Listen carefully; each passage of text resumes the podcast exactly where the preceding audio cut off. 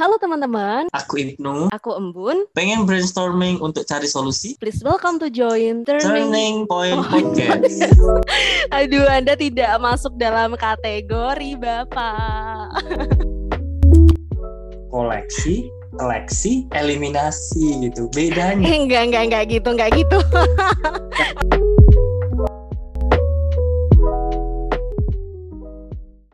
Halo semuanya, gimana nih kabarnya hari ini? Sehat nggak ya? Se nggak sehat ya? Eh, sehat nggak sehat ya nggak apa-apa, karena aku sehat. Maaf ya teman-teman, aku episode kali ini kayaknya seneng banget deh. Tapi sebenarnya nggak cocok ya sama tema pada pada episode kali ini. Tapi ya nggak apa-apa lah ya untuk menghibur teman-teman semua. Nah, tapi kita harus pastikan nih, partnerku yang satu ini harus sehat. Halo Bun, gimana kabarnya? Oke, halo Mas Ibnu. Aduh, luar biasa sekali openingnya. Kamu kayak opening ini ya, guru SD. Ya ampun, gemes.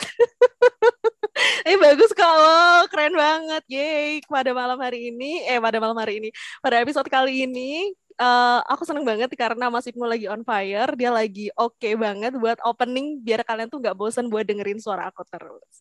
Em, anyway, kalau misalnya aku pribadi nih, sekarang tuh lagi Hmm, dibilang happy banget juga enggak, dibilang sedih karena habis dimarahin. Iya ya, teman-teman kayak gitu. Oke, Mas Ibnu, Ya, Mas? Ibnu. Oh, pulang ya aku nih. Oke, Mas Ibnu pada malam hari ini kita mau bahas apa nih kira-kira?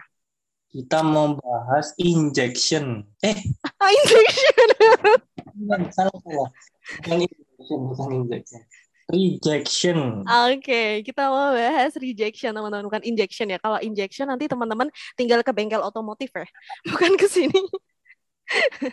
Oke, jadi kita mau ngebahas suatu topik yang eh, menurut aku em, mungkin buat beberapa orang dirasakan sesuatu yang agak menyakitkan karena eh, love re- eh, kita sebenarnya kita lebih spesifik ya. Jadi kita mau ngebahas tentang love rejection nih. Gimana sih cara kita menghadapi love rejection? Sesuatu ketika kita tuh ditolak oleh orang yang selama ini kita idam-idamkan, kita sukai, atau mungkin yang kita sebutkan di sepertiga malam. Waduh, luar biasa sekali guys. Oke, nah kita ngomongin tentang eh, rejection ya, love rejection. Mungkin aku mau nanya dulu nih ke Mas Ibnu. Mas Ibnu, kamu ada nggak sih pengalaman kamu ditolak orang atau kamu mungkin yang menolak orang? Hmm, Waduh, gimana ya, Bun? Kayaknya aku dua-duanya pernah ya. hati-hati loh, karma Israel kamu. Eh, metamit, metamit. Eh. Ya, Oke, jadi kalau berdasar pengalaman ya, berdasar pengalaman, oh itu zaman S1, S2 komplit kayaknya, Bun. Pernah deh kayaknya. wow. Nah, jadi dulu tuh ya, Bun ya. Dulu tuh, Mhm. lah ya, ada kan ya kayak di FTV, FTV gitu kan. Kisahnya tuh kayak anak anak desa datang ke kota gitu kan. Berarti kamu dulu culun-culun gitu modelnya. jelas, jelas. Aduh. Nah, kisahnya tuh udah kayaknya so asik kali gitu kan. Padahal Heeh. dari kacamata eh, dari kacamata mereka tuh kan kayak ih apaan sih ini orang gitu ya.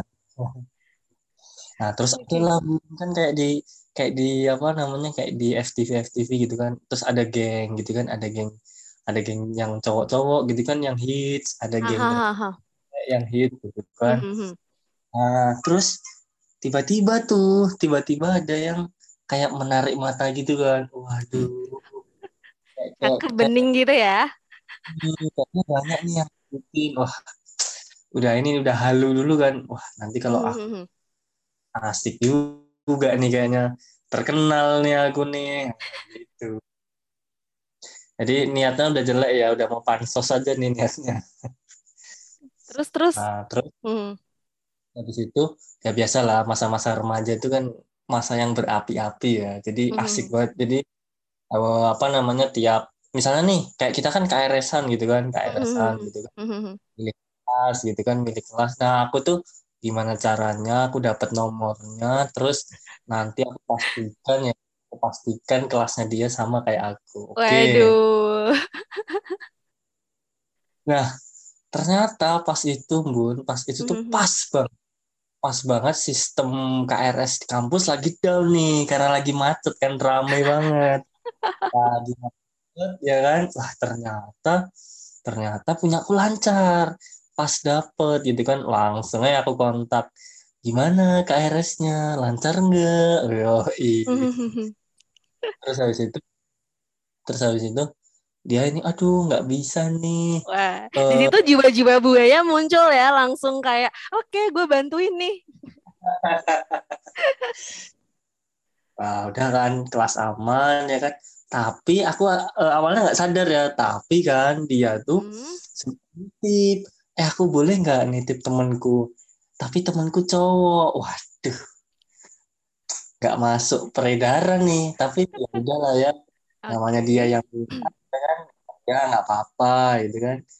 Dah clear satu kelas duduknya sebelahan gitu kan. Karena aku ambi kan jelas duduk depan. Eh ternyata dia juga orangnya duduknya suka di depan. Wah cocok kali. Wah. terus terus. Nah, terus habis itu eh, apa namanya eh, ngerjain tugas gitu kan. Mau nggak ngerjain tugas? Aku bisa nih. Nah, jadi pas pas mau hari H ngajarin gitu kan. Pas mau hari H belajar banget. Aku belajar dulu. Jelas-jelas aku nggak paham lah itu materi ya. Terus habis itu udah Hmm. jadi aku beraninya cuma di kegiatan-kegiatan kelas aja gitu kan kayak kegiatan-kegiatan kuliah doang kayak ngajak jalan makan nah nggak pernah sama sekali nggak Oh, berani Kak. serius? Cukup Nah. banget kamu jadi cowok. Oke, oke. Nah, terus aku merasa kayaknya aku yakin nih ini kayaknya udah lampu hijau nih kayaknya nah ternyata aku Hmm. aku bilang kan nih kayaknya eh, kayaknya udah lambat laun mulai cocok nih kayaknya nah, ya udahlah akhirnya aku nembak dia kan nembak dia Iya. tapi Waduh. Terus dia terus. bilang aku ya aku butuh waktu nih ya udah nggak apa-apa Ah. eh kamu tahu bun Hmm, besoknya dapat foto sama cowok ya Allah. Aduh, Anda tidak masuk dalam kategori Bapak. ternyata ya cowoknya yang maksudnya yang dia yang jadian sama dia itu ternyata yang aku bantuin KRS-an aku sedih sekali MG. Ya itulah makanya jangan pernah eh, terlambat ya, terlambat dalam menyatakan segala sesuatu. Anda akan dikalahkan oleh teman Anda sendiri. terus kayaknya yang paling parah sih itu yang lain nggak usah diceritain lah ya Yang lainnya, yang lainnya. Kalau kamu di posisi menolak nih sebagai cowok gitu, kenapa kamu bisa sampai menolak? Eh, kalau pengalamanku waktu itu sebenarnya tolak ya bun tapi maksudnya dia dia eh, nggak ada ngomong apa-apa gitu. Tapi aku langsung eh, apa ya bahasanya kayak eh, dianya sih lebih ke dianya itu kayak ngode. Terus habis itu kayak Oh, kan gitu. Dia dia dia eh, sebenarnya arahnya ke mana. Cuma ya itu. Cuma habis itu aku ini aja. Aku bilang pertama aku ajak ketemu kan. Aku ajak ketemu. Jadi kisahnya itu gini biar teman-teman nggak nggak nggak bingung nih ngurutinnya. Kisahnya tuh waktu aku udah eh, ini asisten lab. Sudah lulus S1 itu. Nah terus awalnya itu adalah di mana dia tuh eh, dicomblangin sama dosen pembimbing. Oh, terus terus. comblangin sama dosen pembimbing kan. Mm. orang nih dua orang. Kan dosen pembimbingnya gokil juga nih. Ya Oke. orang beda angkatan. Nah sama-sama eh, pemasaran waktu itu. Nah jadi Mm-mm. eh, ya ini dicomblangin dikenalin sih awalnya cuma dikenalin gitu kan. Boleh nggak ini minta tolong eh, Mm-mm. mahasiswa saya? Dua orang dibimbing. Ya, tapi ketemunya beda jam. Waduh waduh. Ini kok ya aku terjerumus aku gitu kan. Ya udah Terus terus. yang satu nah, yang satunya sore ya bisa ngajar lah pokoknya habis ngajar ketemu dulu gitu. Udah nih pertemuan pertama itu didampingi lah sama dosennya dia jadi dikenalin dulu. Mm-mm. ini nanti yang bantuin ya yang eh, apa namanya agak paham. Jadi biar kalau misalnya saya lagi sibuk bisa minta tolong gitu. Oh oke siap gitu kan. Nah dan nih mulailah proses bimbingan. Awalnya cuma bimbingan bimbingan akademik nih awalnya. Dalam tanda kutip ya. Oke. Awalnya ini kenapa lah mahasiswa bimbingannya cewek semua kan? Bimbingan kan ada cowoknya gitu kan? Oke oke. terus habis itu terus habis itu lambat laun lah ya sering ketemu. Terus habis itu ngajari gitu kan ngajari terus sambil sharing kesulitannya apa. Terus eh, mulailah mereka tuh mulai open gitu kan mulai eh, apa speak up kayak kehidupan mereka terus Oh, mulai curhat ya, berawal dari curhat. eh, mulai Itu kan jurus jitu cewek biasanya. Eh aku Hmm. boleh cerita nggak nih? Wah, gitu-gitu tuh. Terus habis itu ya udah dong, aku kan nggak tahu ya, nggak tahu nih arahnya mau ke mana ya udah didengerin aja Oke. ngobrol ya ngobrol gitu kan. Nah ternyata setelah mereka lulus kan, udah dinyatakan lulus ujian, terus eh, yang satu udah, yang satu wisuda, yang satu baru selesai ujian. Nah yang wisuda ini tiba-tiba telepon, kamu di kampus nggak mas gitu kan? Eh, Iya. bisa nggak bisa nggak ke kampus dulu gitu. Main kan kampus dipakai iya nih aku wisuda gitu kan mampir ya oke ya udahlah mampir gitu kan datang terus ternyata udah ditungguin. Nah terus abis itu ya udah ketemu gitu kan ngobrol. Nah terus eh, apa namanya makan nih makan. Makan gitu kan. Eh dianya mau ngomong ragu kayaknya. Terus udahlah akhirnya selesai makan jadinya teleponan malahan. Jadi nggak nggak jadi makan. Terus, ngomong ragu terus akhirnya ditelepon jadi gini mas. Aku ini habis ini kan jadi kayak di FTV gitu. Aku habis itu mau sekolah lagi gitu kan. Oke. di sini jauh gitu. Mhm. iya gitu kan. Nah selama ini sebenarnya tuh ini mas aku tuh di aku tuh dikenalin sama kamu tuh biar deket itu Oh, oke sudah mulai ini Oke. Oke, ya terus terus gimana? Eh, jadi gini Mas, kalau kalau aku suka sama kamu boleh nggak? Ya boleh, hal gitu kan? Ya namanya suka boleh nggak? Ya boleh Ya gitu. wajar sih. Haha, benar-benar. Kalau kalau kamu gimana Mas ke aku? Aduh, ini Hmm. kamu perasaanmu ke aku gimana sih Mas? Gitu kan? Langsung aja deh tembak aja gitu pokoknya. Ya, maaf banget ya gitu kan, maaf banget gitu. Aku ya taunya ini ngajari kamu doang gitu kan. Maaf banget, kalau kalau ternyata hari yang bahagia sekaligus hari paling hancur bagi dia loh. oh ya udah Mas, assalamualaikum. Ya Allah langsung ditutup. OMG. Tapi ya wajar sih. Nah, yang satunya Mhm. Terus itu berarti selisih berapa hari ya dari wisuda itu kalau sidang kalau di tempatku dulu ya Mhm. tiga harian adalah kayaknya. Nah kalau ini nggak langsung nih nggak langsung habis ujian ngajakin keluar nggak, tapi beberapa hari itu. Jadi kayak nggak ada angin nggak ada hujan gitu kan. Pokoknya habis ngucapin selamat ya selamat udah selesai ujiannya. Terus ngajakin ini ngajakin ketemu gitu kan. Ngajakin ketemu makan dulu nih. Tapi aku dibilang nih, udah mas, nanti aku aja yang jemput. Aduh ini, kasus ini. Perasaanku udah mulai nggak enak nih. Ih, ini ya. Oke, oke. Nah, terus udah kan makan, ngobrolnya, gelagat-gelagatnya kayak kenal kali aku nih. Aduh. Udah malu-malu gitu kan. Kenapa gitu kan. Enggak mas, nggak apa-apa gitu. Terus ya udah selesai makan, selesai makan kan, terus di jalan lah. Nah dia baru ngomong di jalan. Dia baru ngomong di jalan. "Eh, jadi gini mas, sama ternyata kayak template, kayak template. Oke, oke, oke. Ah. kenalin itu biar kita deket gitu. Ya aku sih karena udah dicomblangin tuh ya, jadi aku langsung yakin mas. Jadi nggak nggak bisa mas aku tuh milih sendiri gitu kan. Jadi kalau udah dipilihin ya udah eh, apa namanya aku langsung gas gitu. Ini zaman RA Kartini, zaman kolonial apa zaman milenial ya? Masih zaman perjodohan Siti Nurbaya. Ternyata masih ada kok zaman-zaman kayak Oke, okay, oke. Okay. Lanjut, nah, lanjut. Habis itu uh-huh.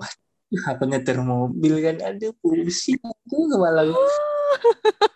ini ini ini, ini tempat tujuan masih jauh ya. Yeah. Ini uh-uh. ada uh, nanti ini aja ya. Nanti aku balasnya lewat telepon aja ya.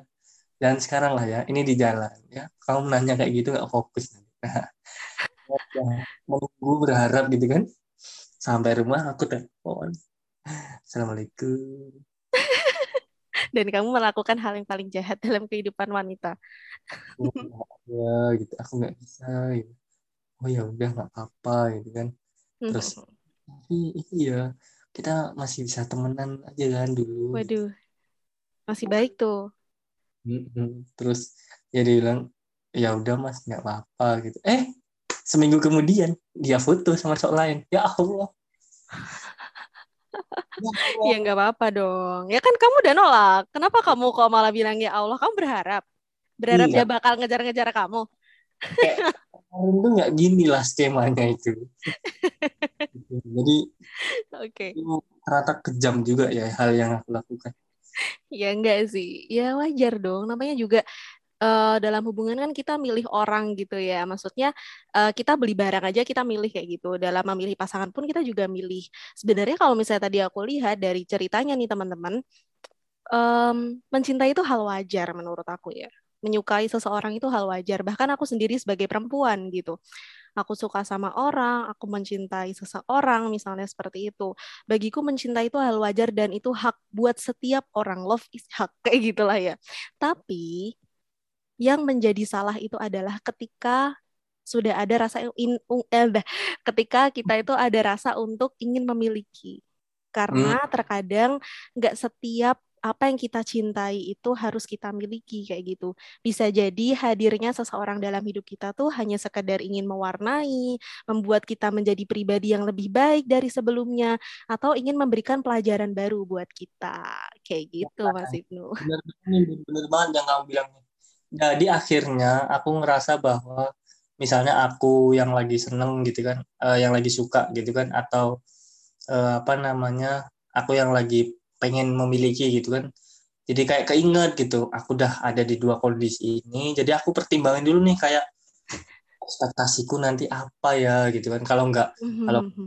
jadi secara logika aja aku udah enggak udahlah perasaanku nggak usah tak bawa gitu kan karena ya tadi walaupun tadi misalnya kita udah akhirnya memiliki nanti kayak bertanya-tanya nih terus mau apa gitu mm-hmm. jadi mhm. pelajaran yeah. banget buat aku di dua kondisi itu pernah tak alami. Kalau kamu gimana sih? Kamu belum cerita loh, enak aja. Kenapa aku harus cerita, Mas? Kalau buat aku ya, seorang Bun Savana, apakah seorang Bun Savana pernah ditolak dan pernah menolak? Sering sekali. Ini aku kena kutukan aku, Mas. Halo Mas Ibnu. Lebih parah emang dia buat teman-teman semua halo kenapa sih harus ambil episode ini ya Ya, oke. Okay. Di sini aku mau speak up. Ya, sebenarnya aku sebagai perempuan itu kayak ya aku ngerti gitu. Misalnya ada orang suka sama aku, aku tuh ngerti gitu loh.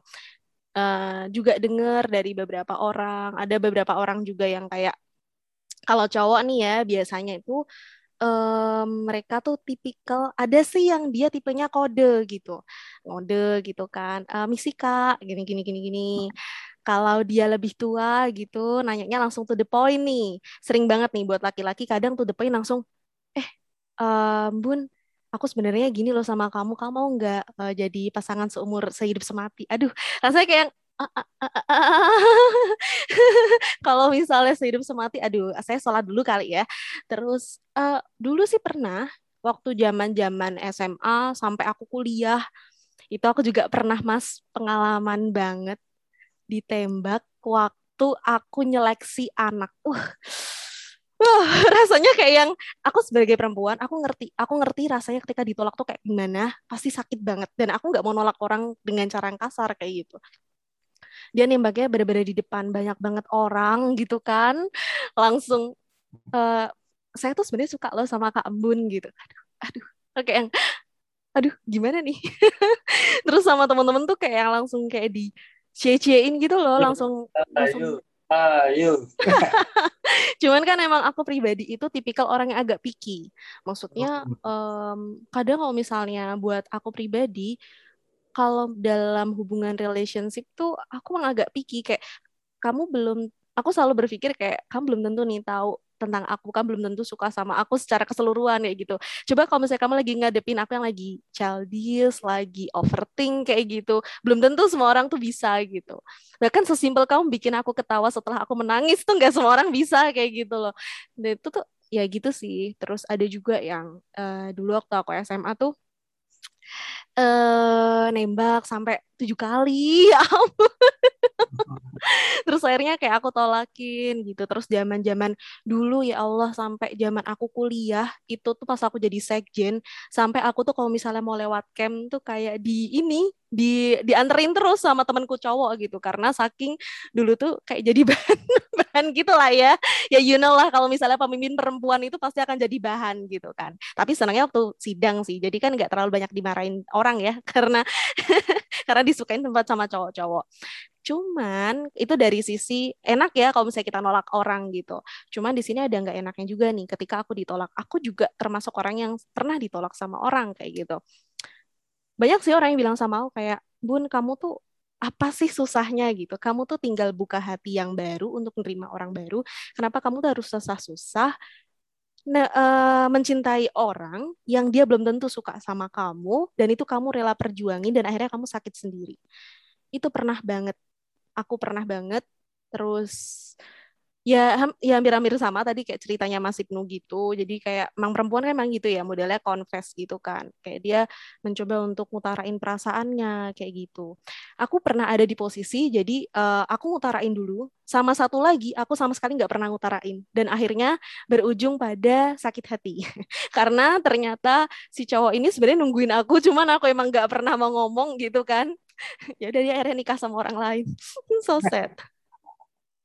Gitu lah jadi aku kayak sekarang aku lebih kayak gimana ya kalau misalnya di usia sekarang ya? Hmm. uh, lebih ke kayak kalau misalnya nerima atau nolak orang gitu ya aku lebih berpikir kayak lebih realistis gitu. Maksudnya gini uh, terkadang orang itu datang ke dalam kehidupan kita, misalnya dia deketin kita kayak gitu. Bahkan aku sesimpel, sesimpel misalnya aku habis ngemoderatorin suatu acara, terus misalnya ada peserta yang interest sama aku, dia follow IG aku, ngomenin LinkedIn aku, DM lah ya dan segala macem aku selalu yang kayak ya udah open aja. Kayak gitu maksudnya yuk uh, kalau misalnya kamu mau tanya sama aku boleh sharing oke. Okay, tapi kalau misalnya masalah hati menurut aku ya perlu dipertimbangin lah ya. Karena menurut aku namanya hubungan ketika kita sudah usia 20-an gitu kan pasti kan banyak considerationnya. Nggak cuma sekedar uh, termehek-mehek ya teman-teman ya. Nggak cuma sekedar kita cuman uh, uh, aku suka sama kamu. Tapi kita mulai berpikir kayak apa sih yang aku looking for dari kamu? Ekspektasi apa sih yang mau aku bawa dalam suatu hubungan misalnya gitu? Apakah kamu pasangan yang cukup suportif untuk aku ke depannya? Apalagi kalau misalnya kita sebagai perempuan yang uh, punya impact yang cukup berdampak itu kan juga suatu pertimbangan gitu. Dan yang paling penting lagi istihoroh teman-teman. istihoroh ya kalau misalnya kalian suka sama orang itu menurut aku manjur. Oke. Oke. Mas Ibnu, Mas Ibnu aku mau nanya nih, kalau kamu dari segi cowok, alasan apa sih yang membuat kamu tuh akhirnya menolak seseorang? Kalau aku loh ya, kalau aku tadi ngomonginnya soal ekspektasi, tapi kalau dulu pasti ngomonginnya kalau soal cowok tuh ya pada umumnya sih bun kayaknya, pada umumnya ya mesti uh, apa namanya ngomongin look, ngomongin uh, reputasinya dia. Jadi kayak aku bilang tadi, misalnya kayak wah oke okay juga nih, terus hits juga nih. Terus tapi kalau sekarang beda. Ternyata baru percaya nih aku kayak kalau udah buktiin sendiri kayak baru percaya nih kalau usia itu mempengaruhi, pola pikir itu mempengaruhi. Hmm, hmm, hmm, terus kayak uh, apa pengalaman itu ternyata benar-benar mempengaruhi. Terus cerita dari teman-teman ya teman-teman kita gitu kan kayak dia ngalami ini dia ngalami itu itu kayak ternyata membangun persepsi kita juga gitu jadi hmm. kalau kamu nanyanya pada usia itu menurutku Hmm. sih itu makanya Kalau di usia sekarang nih kira-kira nih. kalau di usia sekarang ya tadi ngomongin soal ekspektasi ya. Kalau aku misalnya eh, karena aku tadi ya karena aku belajarnya kayak aku udah pernah di dua sisi itu. Jadi yang tak utamain kayak ekspektasi. Nanti misalnya kayak kamu bilang tadi ketika eh, apa namanya? Kamu taunya kayak aku tuh cuma sebatas ini gitu. Nanti kalau Mhm. kamu hadapi aku dengan berbagai karakterku yang barusan kamu tahu, kuat nggak? Nah, bahasanya kayak gitu. Kan nggak semua orang bisa dong, Bun, kayak gitu. Mhm. Jadi kayak Mhm. eh, apa namanya? Aku pernah baca nih, aku pernah baca di ah, ah, ah. story gitu kan kayak kita tuh bebas gitu kan memilih. Jadi nggak cuma cowok ataupun cewek nih. Cewek ya. Mhm. Nah, itu bisa milih gitu. Bebas kamu mau milih siapa pun, tapi jangan lupa kalau kamu satu atau berarti kamu me- me- apa ya menaruh seluruh harapan pada satu orang berarti konsekuensimu adalah sepenuhnya antara diterima berarti bahagia penuh atau kalau ditolak berarti sakitnya penuh gitu. Jadi ya tergantung kamu. Makanya kalau menurutku ya, kalau menurutku eh, apa namanya kenapa kenapa sih harus harus cowok yang dikatain buaya gitu kan? Padahal kan itu namanya proses koleksi, seleksi, eliminasi gitu. Bedanya enggak, enggak, enggak gitu, enggak gitu. Mana ada koleksi ya? ada bun. Kenapa sih cowok-cowok yang dilabeli? Karena karena cowok itu tidak pandai menyembunyikan. Ngapunten. Apakah cewek itu tidak melakukan itu? Enggak Ah, mungkin. wait, wait, wait, wait. Iya. Bedanya kalau kamu tadi bilang kamu menyatakan bahwa ya aku emang picky. Jadi kayak ada yang maju langsung ditolak, ada yang maju nggak cocok ditolak. Maju cocok diterima, maju nggak cocok berarti nggak diterima gitu. Nah, ada kan pasti kayak di, di dunia belahan yang lain itu kayak maju diterima, maju diterima, maju diterima gitu. Ini maju diterima, maju diterima. Aduh, agak berat ya. Tapi sebenarnya kalau misalnya ngomongin tentang rejection nih, Mas. Kalau buat kamu, sifat cewek apa sih yang membuat kamu itu menolak perempuan itu gitu? Kamu nggak suka yang tipikal gimana sih kalau kamu sebagai pandangan laki-laki? Eh, pada hakikatnya mungkin karena ini ya aku terbiasa dengan eh, apa namanya terbiasa dengan gaya hidup yang slow ya gaya hidup yang jadi kalau yang kayak tadi misalnya mereka yang kutolak itu eh, karena sebenarnya ini karena sebenarnya aku tahu kekurangannya dia terus kayak dia tuh eh, dia dia suka sama orang gitu kan tapi Mm-mm. dia sudah menunjukkan kekurangannya tapi dia nggak mau berusaha memperbaiki gitu loh jadi kalau lebih Oh. lebih kayak itu dia sadar kekurangannya tapi dia bang- bukan bangga sih lebih kepada ya kalau kamu mau ya aku tuh kayak gini kan Oh, oke. namanya Mm-mm. dua orang itu kan saling melebur saling menerima bukan yang kalau kamu mau ya aku kayak gini ya nggak bisa gitu Mm-mm. kayak ya kalau kamu punya karakter itu terus ternyata orang yang kamu suka itu ternyata nggak cocok masa iya kayak gitu kok kok Mm-mm. banget gitu Ini cocok sih. Aku pernah nonton filmnya Imperfect ya. Mhm. Eh, mungkin buat teman-teman. Eh, kamu juga ada pernah nonton nih? Pernah pernah pernah ini Nah. kan Jessica Iskandar kan Nah, benar-benar benar. Eh, kok Jessica Iskandar? salah salah. Jessica Mila, Mas ya Allah. Nah, oke. Udah udah banter salah lagi. Oke. Hmm, jadi eh, ada satu scene Sebenarnya aku juga salah satu perempuan yang punya rasa body dissatisfaction yang besar. Jadi aku nonton film itu. Di dalam film itu ada sebuah scene dia ngomong kalau misalnya ehm, kamu tidak perlu untuk menjadi sempurna karena aku sudah terlanjur mencintai ketidaksempurnaanmu. Cuman yang menjadi masalah di sini adalah bukan berarti kita dengan ketidaksempurnaan kita, oke kita kita menerima, menerima itu kan beda sama bangga ya kayak gitu. Maksudnya kayak oke kekurangan gue tuh gue misalnya eh, I'm so sorry mungkin kita agak kotor sebagai perempuan atau laki-laki gitu atau mungkin kita kurang interest atau mungkin kita em, apa ya kalau misalnya dalam hubungan sesuatu yang nggak menarik tuh apa ya mas apa agak oh jokesnya nggak nggak nyambung misalnya gitu ya jokesnya nggak Ah, nyambung gitu obrolannya nggak cocok Mhm.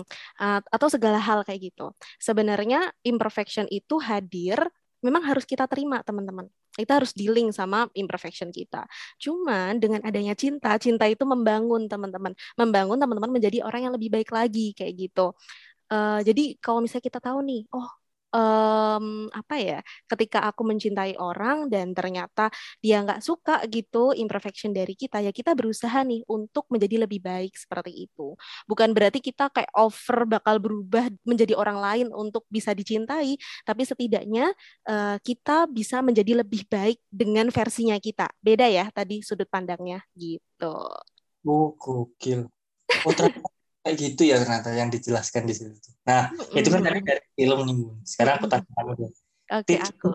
Tipsmu ketika kamu harus bangkit dari uh, love rejection nih, apa yang kamu lakukan? Pasti berat banget sih. Setiap pasti punya levelnya masing-masing. Kalau kamu pengalamanmu apa nih? Atau tips dari kamu apa? Oke, okay. kalau aku pribadi ya teman-teman, jadi aku itu pernah uh, waktu aku this is my first love anyway.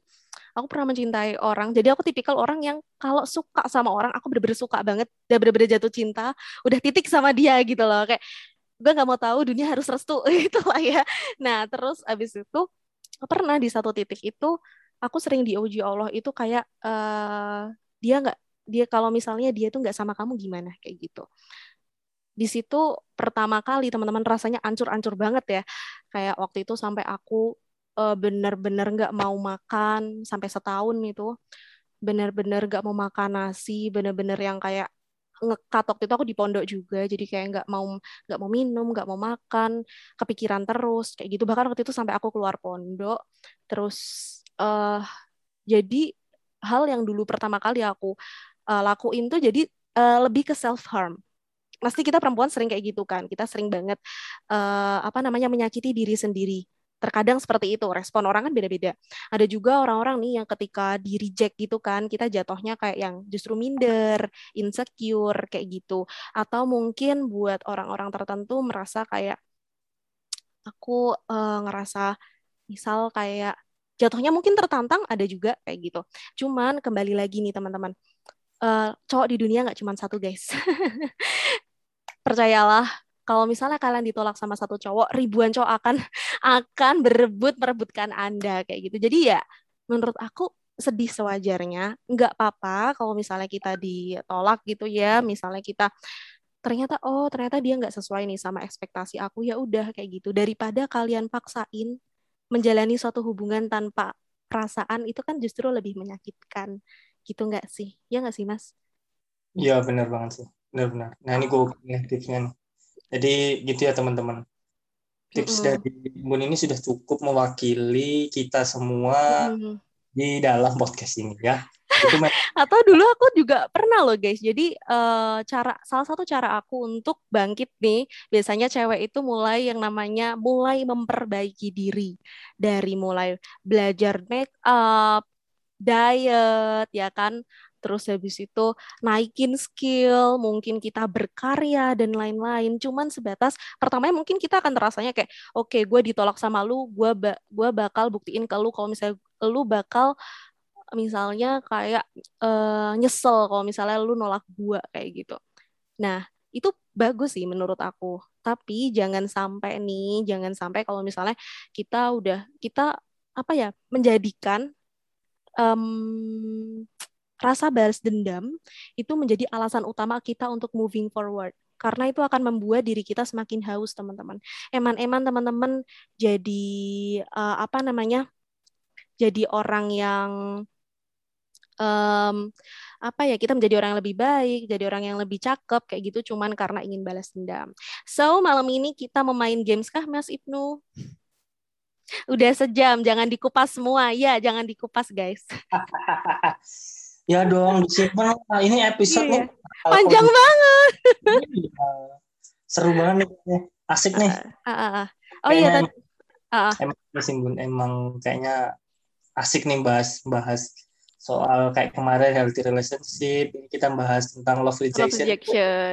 Besok bahas inilah toxic toxic tuh loh. Kayaknya banyak kali ini nanti yang yang punya cerita yang sama nih soal toxic toxic. Aku punya banyak temen yang ceritanya toxic toxic nih. Alhamdulillah aku jarang sih kalau toxic. Kamu okay. nemuin asli sih itu. Ya udahlah, kamu aja ya nemuinnya. kamu toxic. Oke teman-teman, uh, jangan lupa ikuti kita kita ini orangnya asik-asik loh. Nah, jadi jangan lupa ikuti kita. Nanti games itu ya, nanti teman-teman jangan lupa ikuti uh, kalau ada sesi live IG-nya Turning Point Podcast. Oke? Okay? Yap, benar banget. Asli asik banget. Kita juga bagi-bagi tips di sana, tapi belum bagi-bagi hadiah karena belum ada sponsor gitu ya. Oke. Oke, okay, gimana Mas Ibnu? Closingnya Mas Ibnu? Ah lupa follow Instagramnya Turning Point Podcast, mm-hmm. eh, Turning Point Podcast, terus eh, follow Instagram aku ya guys. Sekarang Instagram aku tidak aku gembok di @febriano Ibnu dan juga Instagramnya Ambon di mana Aku Amboyan underscore Savana selalu terbuka untuk teman-teman semua. Oke teman-teman, see you next episode. Bye bye. Bye.